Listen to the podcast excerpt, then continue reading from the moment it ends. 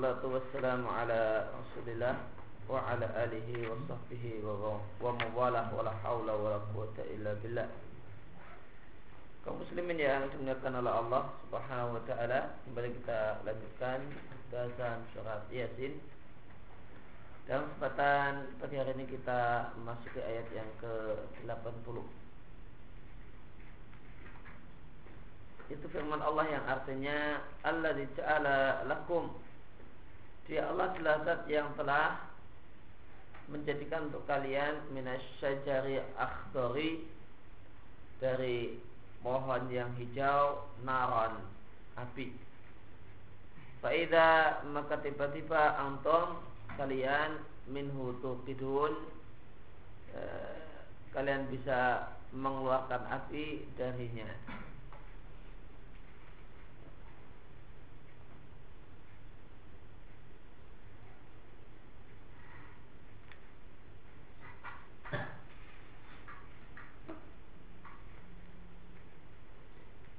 Uh, kalau mu'alif penulis tafsir lain mengatakan ayat jumlah nas. Kalian maksudnya adalah jumlah nas semua manusia. Minasyajari dari pohon yang hijau beliau menyebutkan dua jenis pohon yang biasa menghasilkan api al-makh wal ifa. Atau semua pohon kecuali e, pohon anggur bisa keluar darinya api maka tiba-tiba kalian bisa mengeluarkan api darinya. Ja'ala dalam surat Yasin ayat 80 ini maknanya sayara yang mengubah karena ja'ala itu memiliki dua makna terkadang maknanya sayara manakala dia memiliki dua maf'ul bih dan bisa jadi maknanya adalah khalaqa mencipta manakala dia hanya punya satu maf'ul bih saja. Maka Allah adalah zat yang telah mengubah dari kita, mengubah untuk kita, mengubah pohon yang hijau, Allah pun menjadi api. Wallahu azza wa jalla itulah Allah azza wa jalla. Dan penulis secara lain mengatakan fi jumlah tenar semua manusia. Maksudnya bahwasanya e, nikmat yang Allah berikan berupa mengubah e, pohon yang hijau menjadi api tidak ada tidaklah hanya khusus terjadi pada orang-orang yang Allah ajak bicara yaitu Rasulullah dan para sahabatnya. Namun dia adalah sifat umum bisa didapatkan oleh semua orang. Maka Allah jadikan untuk manusia di jumlah tinas yaitu untuk seluruh manusia pohon yang hijau Allah ubah menjadi api. Kemudian beliau menyebutkan dua jenis nama pohon. Kemudian saya mengomentari berdasarkan perkataan penulis ini maka asyad dari al-akhdar di sini alnya liahdi zihni. Untuk mengingatkan kita dengan sesuatu yang telah kita ketahui.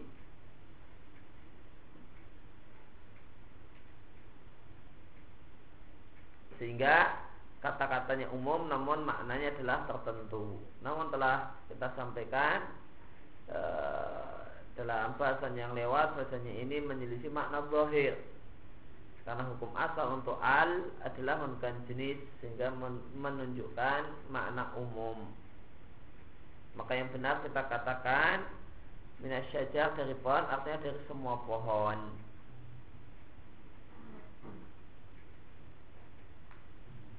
Kama kala sebagaimana Allah katakan Adapun kata-kata adapun perkataan penulis kecuali anggur maka kami tidak mengetahui sedikit pun tentang masalah ini apakah ini adalah pengecualian?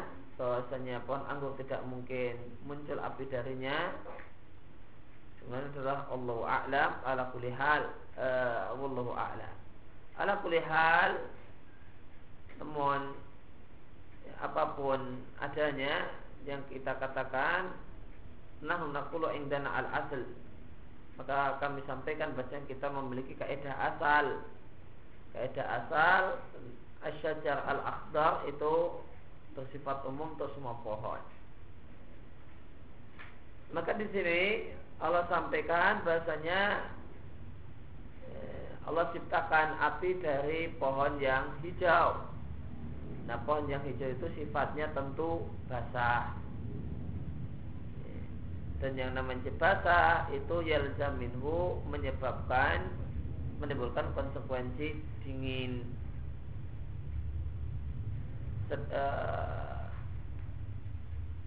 sedangkan api yang keluar dari pohon yang masih basah dan dingin ini sifat api itu kering dan panas maka api yang kering dan panas ternyata muncul dari sesuatu yang basah dan dingin. Padahal layak tidaklah sama, artinya kita semua tahu bahwasanya basah dan dingin dan panas serta kering itu minat tanaful azim memiliki perbedaan yang sangat-sangat mencolok. Kontra. Jadi satu hal yang unik.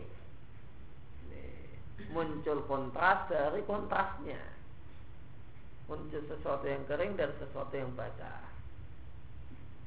Maka jika Allah Azza wa Jal bisa memunculkan sesuatu ini yaitu api padahal antara dia dengan sumbernya itu minat tanah rumah zahir memiliki pertentangan sangat nyata. Maka itu dalil yang menunjukkan kalau Allah kuasa untuk menghidupkan tulang belulang yang hancur.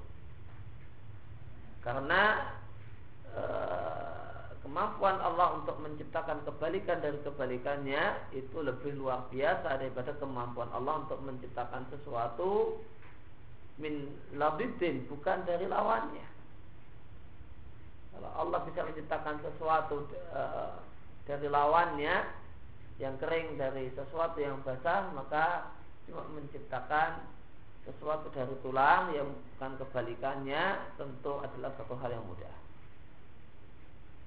Dan jika demikian inilah dalil yang ketiga mungkinnya penghidupan tulang yang sudah hancur. Faidah antum min hutuqidun maka tiba-tiba Pak di sini huruf aqaf idanya hujaiyah artinya tiba-tiba maknanya dengan semata-mata kalian pukulkan satu batang kayu dengan batang kayu yang lain maka takdah anar terpeciklah muncullah api Fatuk itu minhu lalu engkau bisa menyalakan perapian dengannya. Artinya Anda tidak memerlukan eh, kesulitan yang besar untuk mendapatkan api. Bahkan to'ikot mendapatkan api perkara yang mudah.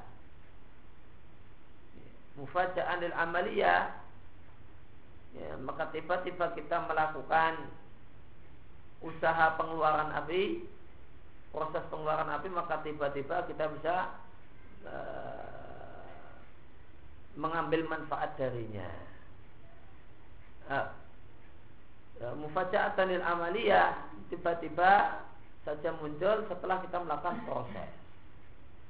Nah dari mana kita katakan di makna bahasanya ayat ini mengandung kata-kata tiba-tiba, tiba-tiba ini kita simpulkan dari kata-kata ida. Karena ida di sini maknanya adalah ida fujaiyah. Karena ida di sini masuk kepada isim jika idza masuk pada isim maka maknanya tiba-tiba Tidak kalau masuk pada fi'il maka artinya jika antum min hutukidun kalian bisa menyalakan api darinya maka potongan ayatnya adalah dalil bahwasanya perbuatan semacam ini munculnya api dari kayu yang basah itu bersifat istimrok terus menerus dari zaman ke zaman. Karena di sini, di sini digunakan jumlah ismiyah dan jumlah ismiyah maknanya dalam ilmu balaghah sesuatu yang paten, tetap, permanen dan terus menerus. Mungkin ada satu perkara yang tidak ada satu orang yang mengingkarinya. Maka tidak ada satu orang yang mengingkari bahasanya akan muncul dari pohon yang hijau api yang dengannya manusia bisa membuat perapian. Faida antum minhu tukidun. Tukidun artinya takdahun memunculkan api, mengeluarkan api. Mungkin ada bukti kalau Allah kuasa untuk membangkitkan manusia dari kubur.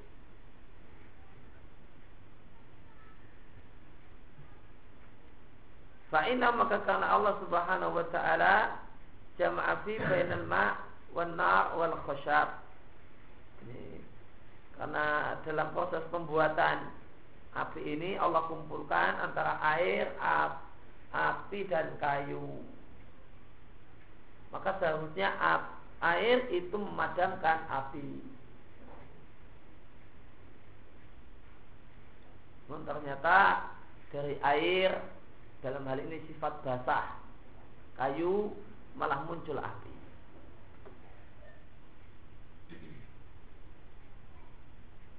Maka ternyata dalam proses ini falal ma unar ternyata air tidak memadamkan api.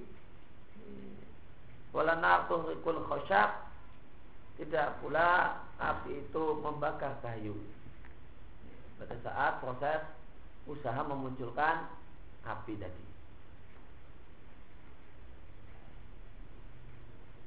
Kandungan ayat dalam ayat ini terdapat penjelasan tentang betapa maha kuasanya Allah Azza wa Jal karena Allah mampu memunculkan dari sesuatu yang basah dan dingin sesuatu yang panas dan kering.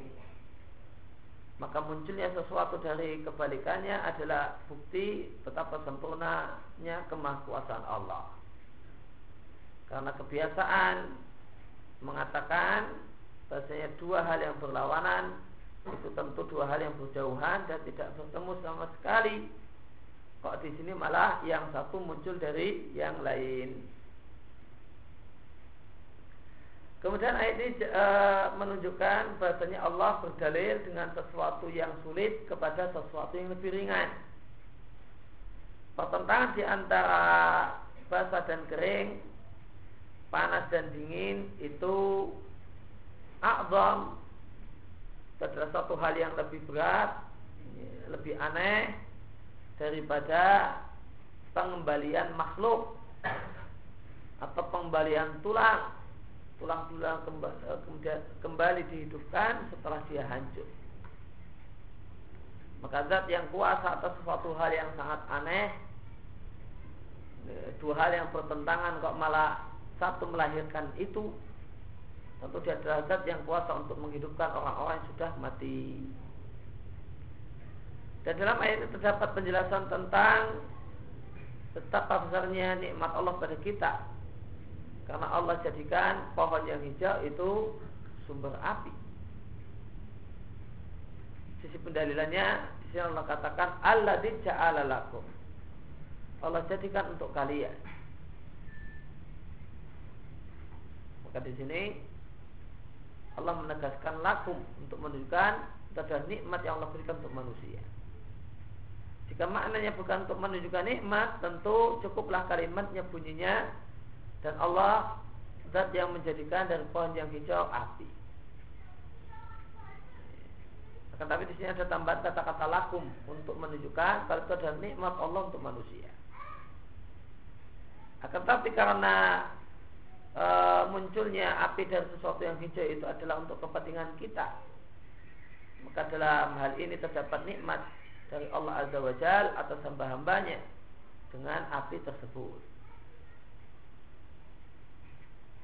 Dan Allah pun telah menetapkan bahasanya munculnya api itu adalah sebuah nikmat di surat Al-Waqi'ah. Afaraitumul nar allati turun Apakah kalian melihat api yang kalian keluarkan? Aantum yaitu kalian keluarkan dari pohon. Apakah kalian menciptakan pohonnya? Apakah kami yang menciptakan pohonnya? Tentu Allah yang menciptakan.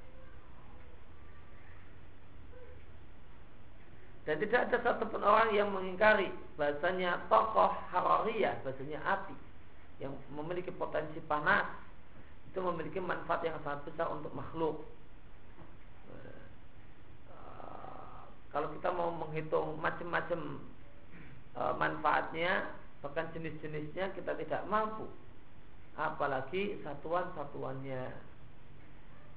Ya, sesuatu itu urutannya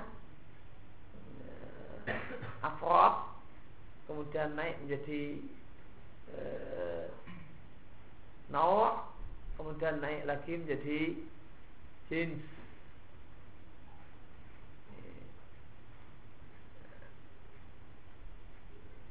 maka e, Zaid itu fardun. Laki-laki nawa manusia jenis. Manusia jenis laki-laki nau laki-laki namanya Zaid itu namanya fardun.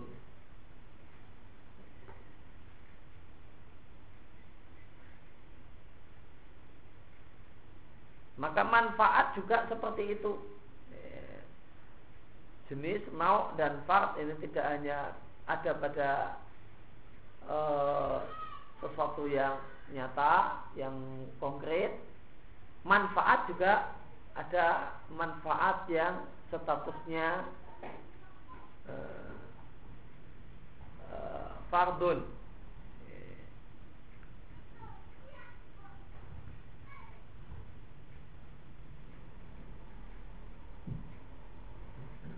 Ada yang statusnya no, ada yang statusnya jins. Mungkin ya contoh bebasnya hidup itu manfaat yang eh, jenis, jenis bisa bernapas nauknya napasnya tidak susah eh, itu fardunnya. Maka manfaat dari api itu sangat banyak. Kalau orang itu mau menghitung uh, jenis manfaat api saja tidak bisa, apalagi fardunnya. Kemudian pelajaran yang lain dari ayat ini, ayat ini terus menetapkan sesuatu dengan realita sebagai ganti dari setelah kita menyampaikan gambaran di benak maka kita menyebutkan realita di alam nyata. Faida antum minhu maka Allah Subhanahu wa taala menjelaskan bahwa Allah jadikan untuk kita dari pohon yang hijau api. Maka ini memberikan pada kita gambaran bahasanya Allah Subhanahu wa taala menjadikan untuk kita dari pohon yang hijau api yang kita bisa ambil faedah. Dan Allah tegaskan hal itu dengan Allah menyebutkan sesuatu yang real. Maka kalian tiba-tiba bisa menyalakan api darinya. Artinya kalian merasakan realita kalian dan kalian menyentuhnya dengan tangan kalian.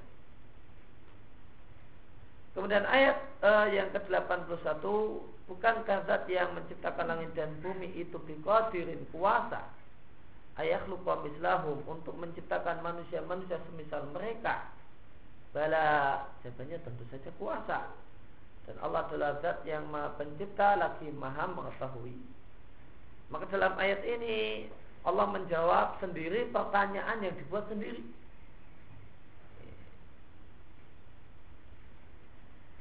Penciptaan langit dan bumi itu lebih besar daripada penciptaan manusia. Bagaimana dalam surat Ghafir atau surat Al-Mu'min sungguh pencipta langit dan bumi, dan bumi lebih besar daripada penciptaan manusia. Dan hal ini adalah sesuatu hal yang diketahui dengan uh, dengan panca indera dan dengan realita. Maka manusia seluruh manusia jika dikumpulkan jadi satu itu tidak sama dengan satu bintang saja. Maka bagaimanakah dengan banyak bintang yang tidak bisa dihitung kecuali Allah Azza wa Jal. Maka langit yang demikian besar yang Allah firmankan, wasama ada langit banainaha kami bangun biaidin dengan kekuatan dan sungguh kami meluaskan langit. Maka zat yang menciptakan langit dan bumi bukankah dia kuasa untuk menciptakan manusia? Jawabannya tentu bala. Wallahi. Demi Allah tentu saja mampu. Maka zat yang menciptakan benda yang demikian besar dan Allah letakkan di benda yang demikian besar itu berbagai manfaat yang besar tentu kuasa untuk menciptakan semisal mereka lebih-lebih lagi lebih-lebih lagi. Maka ini dalil yang keempat bahasanya akan adanya hari berbangkit. Wawal khalaqul alim. Penulis tafsir mengatakan khalaq artinya banyak mencipta maka faal di sini dijadikan oleh penulis sebagai sirah mubalaghah, mengandung makna banyak. Tapi telah diragukan kalau Allah itu memang zat yang banyak mencipta. Akan tapi yang lebih tepat kita katakan bahwasanya faal atau khalaq di sini tidak merupakan sirah mubalaghah namun nisbah. Artinya Allah itu memiliki sifat mencipta mengatakan bahasa mencipta itu sifat Allah itu lebih daripada uh, menetapkan sifat untuk Allah bahasanya dia adalah mewujudkan makhluk ciptaan.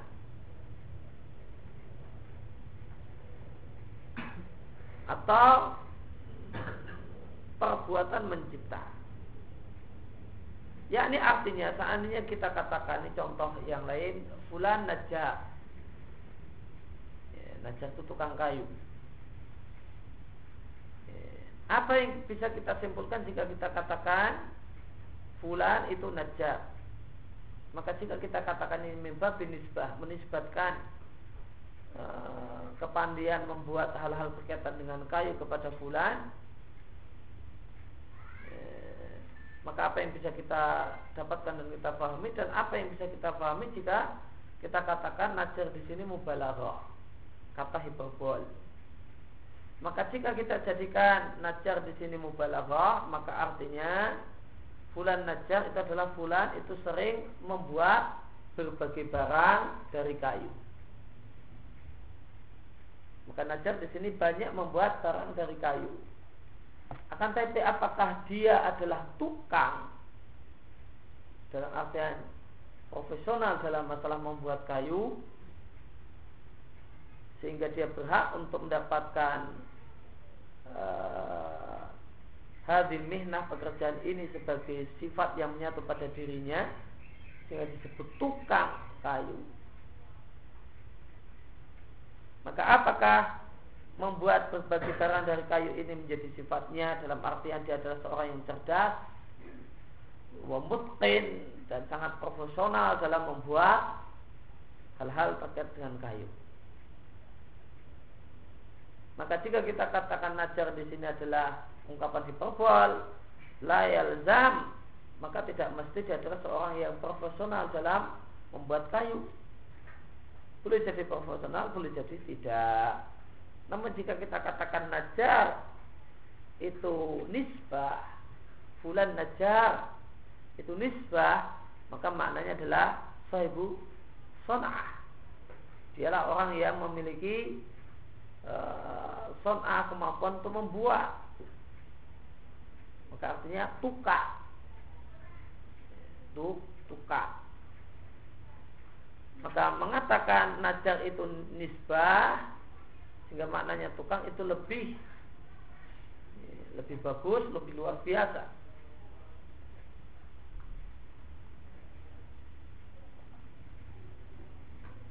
Maka manakala kita katakan najar itu linisbah, artinya dialah si pemilik pekerjaan.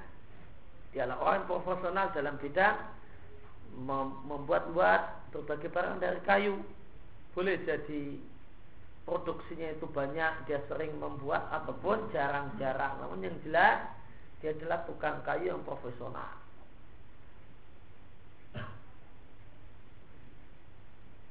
Maka yang lebih baik najar bulan najar itu najarnya kita jadikan sebagai e, nisbah.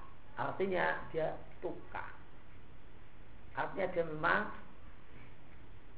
lihai dan menguasai masalah berbagai hal berkaitan dengan pembuatan barang dari kayu. Nah, di sini kita kembali pada al-khala.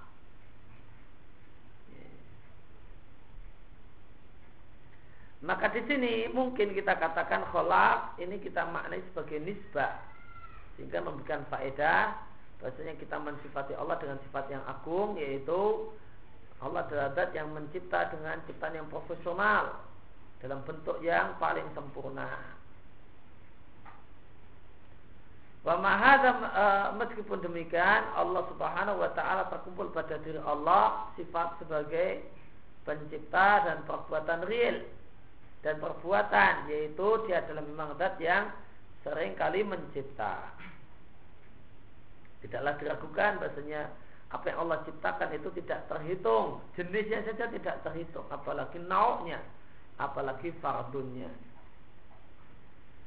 Siapakah yang bisa menghitung jenis ciptaan Allah? Siapakah yang bisa uh, menghitung nau dari jenis dan siapakah yang bisa menghitung fard dari nau makhluk yang Allah ciptakan.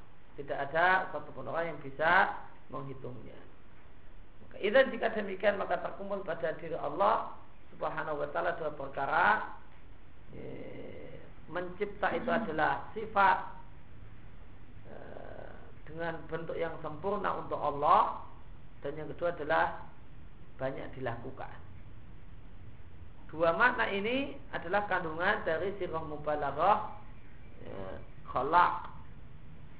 Maka jika Allah itu khalaq, artinya Allah itu di antara sifat Allah adalah mencipta dengan bagus. Adalah konsekuensi dari khalaq. Demikian juga khalaq di sini maknanya banyak mencipta. Maka zat yang semacam itu yang sangat cerdas dalam masalah urusan mencipta Maka apakah zat tersebut tidak mampu untuk menghidupkan tulang belulang yang sudah hancur? Tentu jawabannya tidak. Al-alim uh, lagi zat yang maha mengetahui.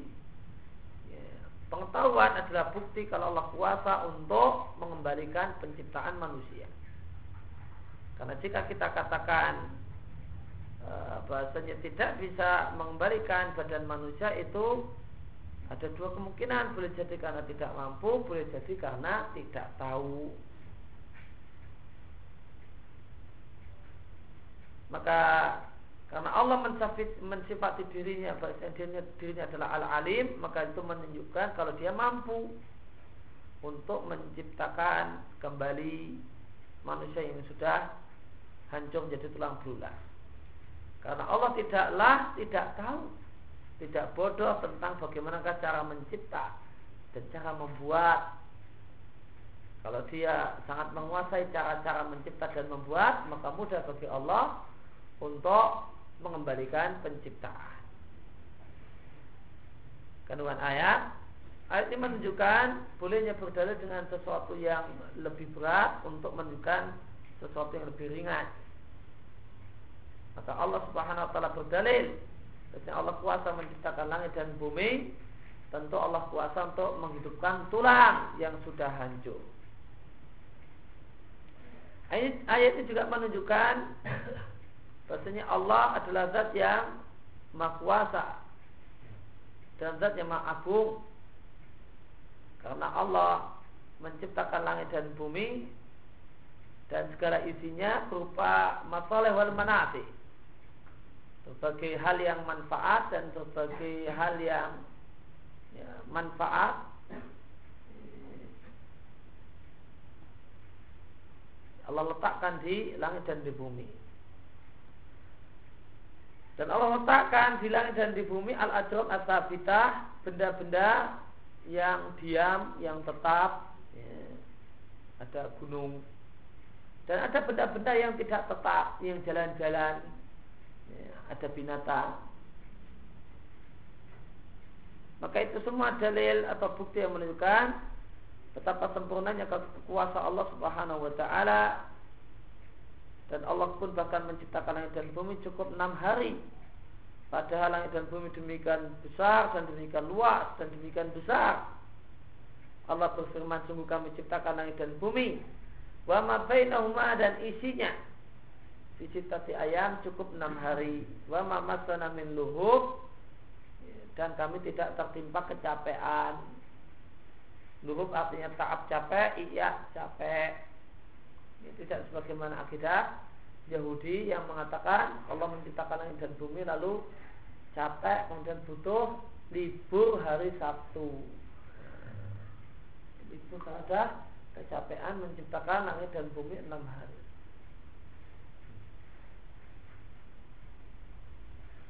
E, pelajaran yang lain ayat ini bantahan untuk ahli filsafat yang mengatakan bahasanya planet Eh, bumi dan berbagai planet yang lain itu adalah kodim. Karena Allah katakan Allah menciptakan langit dan bumi. Artinya Allah ciptakan langit dan bumi dari ketiadaan. Dan sesuatu yang ditiada, di, diadakan tentu bukanlah kodim. Karena kodim dalam istilah ahli filsafat artinya adalah azali yang dulu tanpa awal. Maka langit dan bumi dulunya tidak ada kemudian diadakan dengan kuasa Allah Subhanahu wa taala. Maka orang yang mengatakan kalau aflak, kalau planet itu kodim, bumi dan yang lainnya itu kodim, eh, dan sunya lam taza tidaklah henti-henti sejak dulu dan eh, dan seterusnya tidaklah henti-henti hadis tabiat tabiat semacam ini. Maka orang ini adalah orang yang zalim tidak mengetahui hal ini sedikit pun. Karena dia mendasari ucapannya tidak di atas dalil logika ataupun dalil wahyu. Bahkan dalil logika dan wahyu menunjukkan mungkinnya uh, hadil aflak benda-benda langit ini adalah sesuatu yang baru dan memang dia adalah sesuatu yang baru yang dulunya tidak ada Maka Allah menciptakan langit, menciptakan langit dan isinya. Ini bantahan untuk ahli filsafat yang mengatakan kalau benda angkasa, aflat itu kodim. Namun Allah tegaskan Allah ciptakan langit berarti apa yang ada di langit berbagai bintang itu bukan kodim. Pelajaran yang lain bolehnya. Menjawab pertanyaan yang dibuat sendiri. Dalam perkara yang muhakkok satu hal yang benar-benar ada. Hal mutakara yang sudah pasti sudah permanen. Ya. maka ditanya eh, ditanyakan sekaligus dijawab sendiri itu boleh.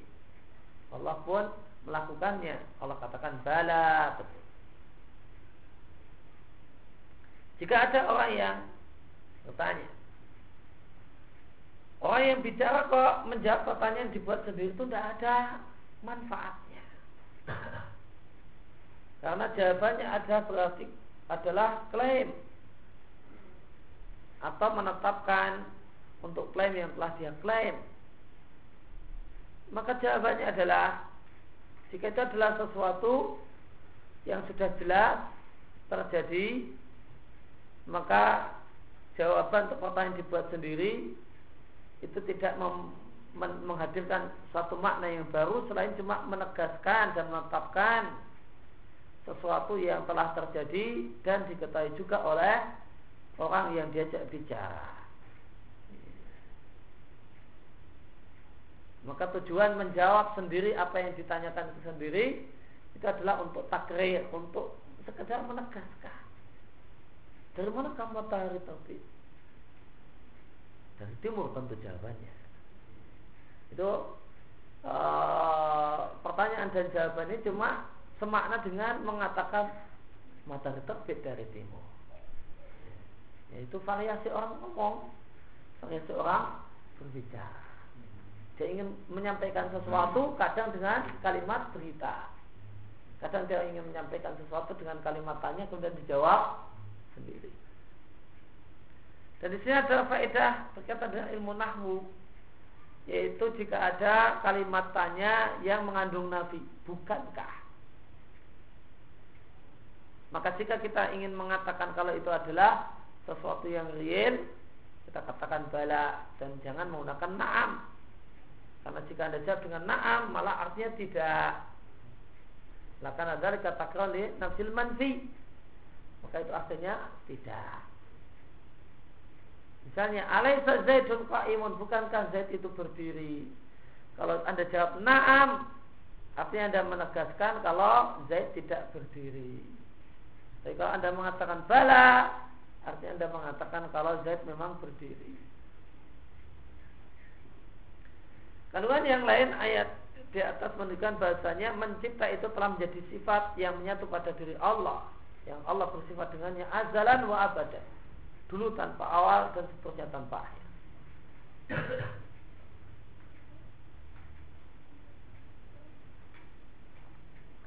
bahwa maka Allah itu memiliki sifat mencipta sebelum Allah mencipta.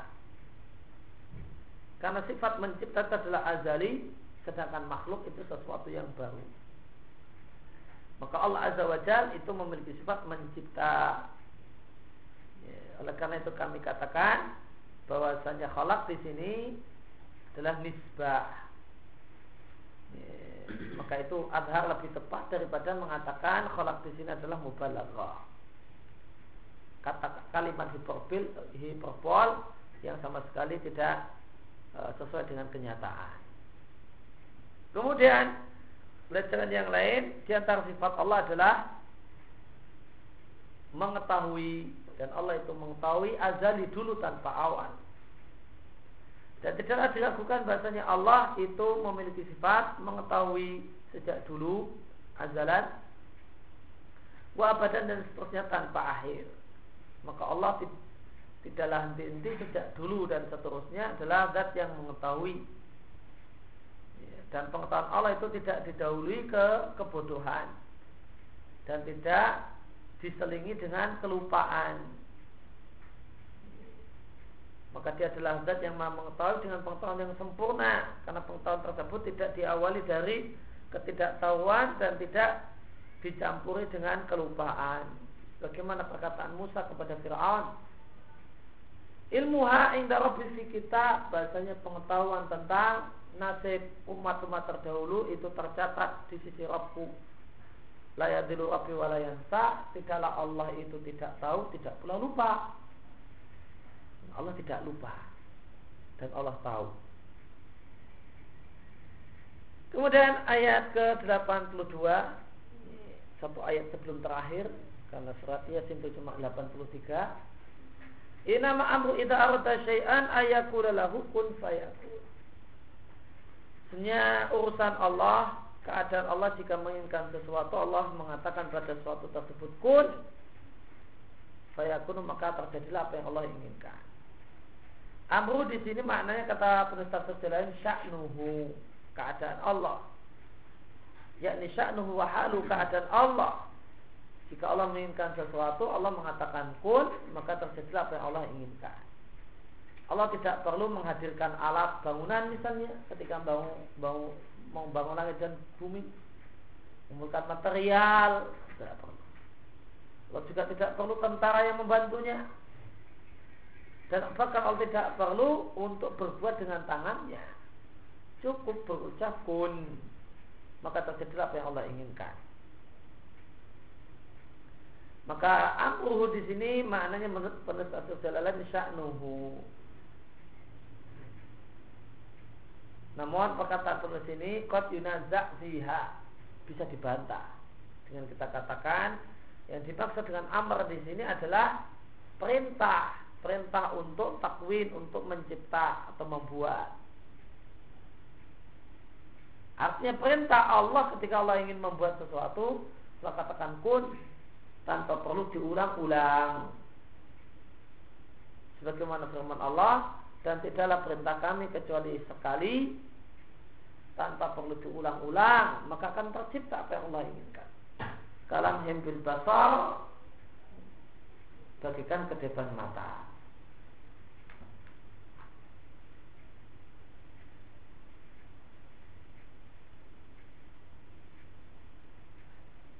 maka e, sehingga amr di sini adalah bentuk mufrad wahidun mufrad dari awamir. Sedangkan penulis tafsir jalan lain menginginkan untuk menjadikan amr itu wahid bentuk mufrad dari umur. Maka amr dalam bahasa Arab itu punya dua kemungkinan makna. Boleh jadi amr itu mufradnya umur maka artinya sesuatu. Keadaan. Dan boleh jadi amr itu artinya Eh, perintah. Lalu amr di sini kesimpulannya apa? Perintah ataukah keadaan? Wa yumkin anakul bi ini jami'an. Mungkin kita katakan dua-duanya sekaligus. Maka keadaan Allah yang kita memikudrati dalam kekuasaan yang kekuatan yang sempurna adalah cukup mengucapkan kun untuk sesuatu yang Allah inginkan lalu terjadilah. Bagaimana perintah Allah jika Allah menginginkan sesuatu Allah mengucapkan kun tanpa perlu diulang-ulang. Kata Allah cuma wahidatun sekali saja.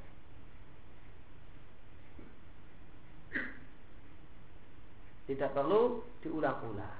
Bagaimana Allah firmankan, "Ini namanya zajratun wahidah maka cukuplah satu tiupan sangkakala yang kedua Faidah maka tiba-tiba hum mereka semua bisa hirah di atas muka bumi. Tidak arata syai'an jika Allah menginginkan sesuatu. Artinya kata di tafsir jalan lain, eh, khalqa syai'in menciptakan sesuatu. Maka Allah cukup mengatakan kun dan terjadi apa yang Allah inginkan. Bahwa yakun maka itu terjadi. Dan di tempat kita dianggap kun fayakun bukan. Perintahnya Allah itu cuma kun saja. Nah, di tempat kita Allah ingin sesuatu kun fayakun. Itu keliru.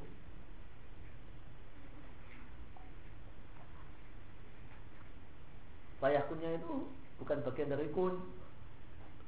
Jika Allah menginginkan sesuatu, Allah katakan kun, fayakun lalu terjadi. Bukan Allah mengatakan kun fayakun. Ah, kalau lu terjadi bukan. Maka arada syai'an di sini syai'an dikatakan sebagai menciptakan sesuatu. Kalau katakan kun fayakun artinya bahwa yakun maka terjadilah. Nah yang lebih baik kita tidak memaknai syai'an dengan membatis syai'an dengan mencipta. Namun lebih baik kita katakan maknanya jika Allah menginginkan sesuatu baik menciptakan atau meniadakannya. Maka Allah cukup mengatakan kun. Maka yang lebih baik kita pertahankan ayat sebagaimana bentuknya yang umum yaitu syai'an. Baik menciptakan sesuatu mewujudkan sesuatu atau meniadakan sesuatu dan menghancurkan sesuatu akan tapi faktor yang mendorong penulis untuk mengatakan yang dimaksud aroda syai'an itu adalah menciptakan sesuatu karena rentetan ayat itu adalah bil istidlal untuk jadi dalil alal khalqi atas penciptaan.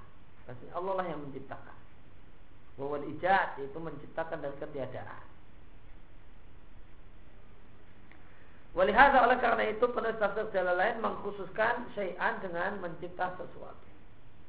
Walakin anak akan tapi kita jika kita katakan bahasa itu mutlak maka bersifat umum maka ini tidaklah melarang mencipta sebagaimana tidak melarang peniadaan. Ya, kalau kita artikan syai'an di sini menciptakan sesuatu begitu saja, maka maknanya boleh jadi sesuatu di sini menciptakan sesuatu atau menghancurkan sesuatu. Maka yang lebih baik kita katakan syai'an artinya adalah mewujudkan sesuatu dan menciptakannya atau menghancurkan dan meniadakannya. Atau boleh jadi kita pun bisa memaklumi penulis yang mengartikan syai'an dengan menciptakan sesuatu. Karena ternyata meniadakan sesuatu itu termasuk mencipta. Karena hancurnya sesuatu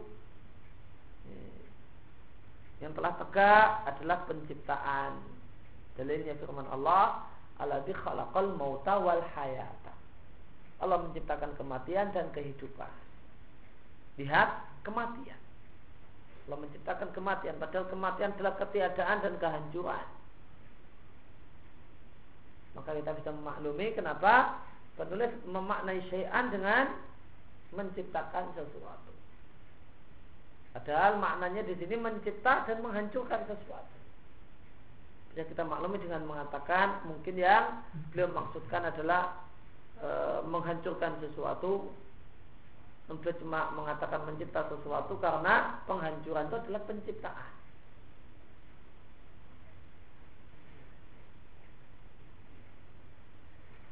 Ya ringkasnya al-amru fi hadha sahlun masalahnya adalah e, mudah nggak perlu dibuat repot. Ya. kesimpulannya syai'an di sini mencakup mencipta sesuatu atau menghancurkan sesuatu. Maka Allah cukup mengatakan kun fayakun. Apa makna kun di sini? Karena yakun itu punya dua makna kadang nakis kadang tam. Kemungkinan besar e, fayakun itu tam Karena jika kita jadikan nakis, nakis maka maknanya kun ha, kun kada jadilah seperti ini. Artinya berubahlah pada seperti itu. Namun jika kita jadikan karena yakunu di sini tam, maka maknanya lebih luas. Karena mencakup apa yang Allah inginkan untuk Allah pindah dari sesuatu pada sesuatu yang lain dan mencakup apa yang Allah inginkan dari semula tidak ada menjadi ada. Maka pun artinya yujad, terwujudlah dan terbentuklah.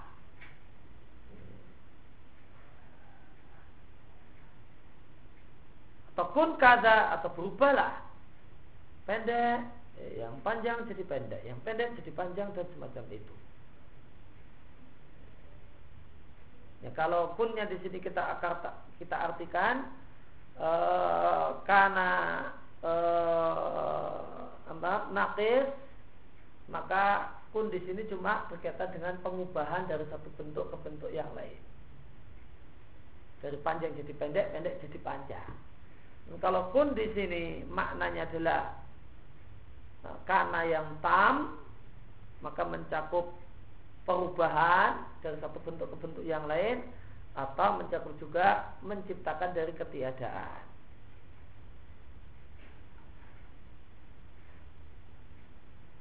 kun fayakun. Fahuwa ya uh, atau sejalan lain maka fahuwa yakun maka terjadilah. Dalam satu kiroah bukan fayakunu namun nasab. Fayakuna. Ya, dua cara baca ini semuanya adalah kiroah. Sebelah sehingga boleh. Maka boleh kun fayakunu boleh kun fayakuna dan istilah yang dianut oleh penulis tafsir jalan lain jika beliau menyampaikan dua macam kiroah semuanya adalah bagian dari kiroah sebelah maka beliau akan mengatakan wasi riwayat.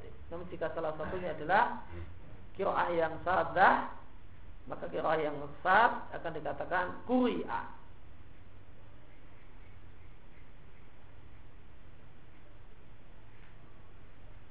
Kun fayakun, fayakun di sini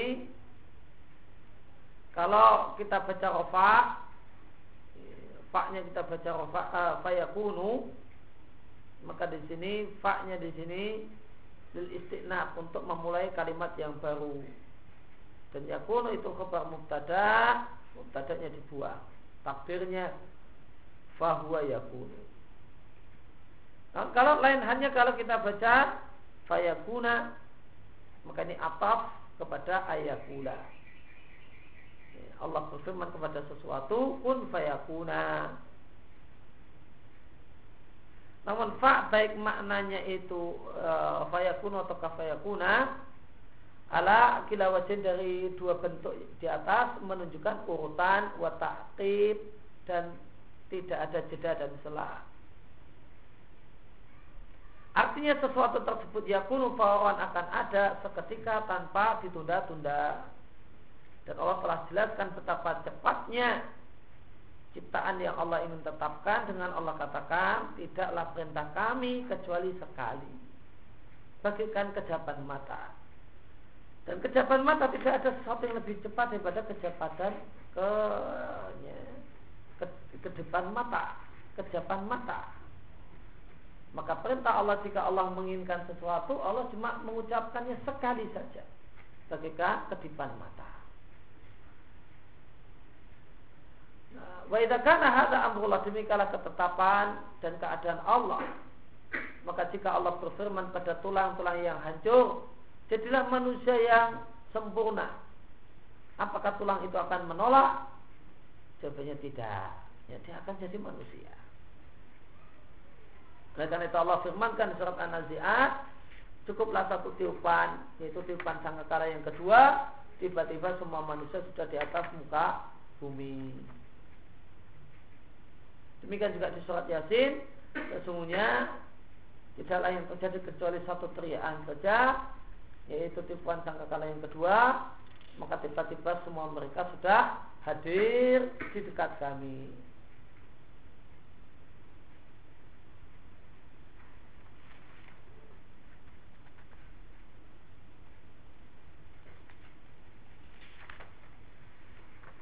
Ya, demikian yang kita pada kesempatan pagi hari ini. Insya Allah akan kita selesaikan uh, di Jumat yang akan datang. Insya Allah Taala wa sallallahu ala nabiyina Muhammadin wa ala alihi wa sallam wa alamin.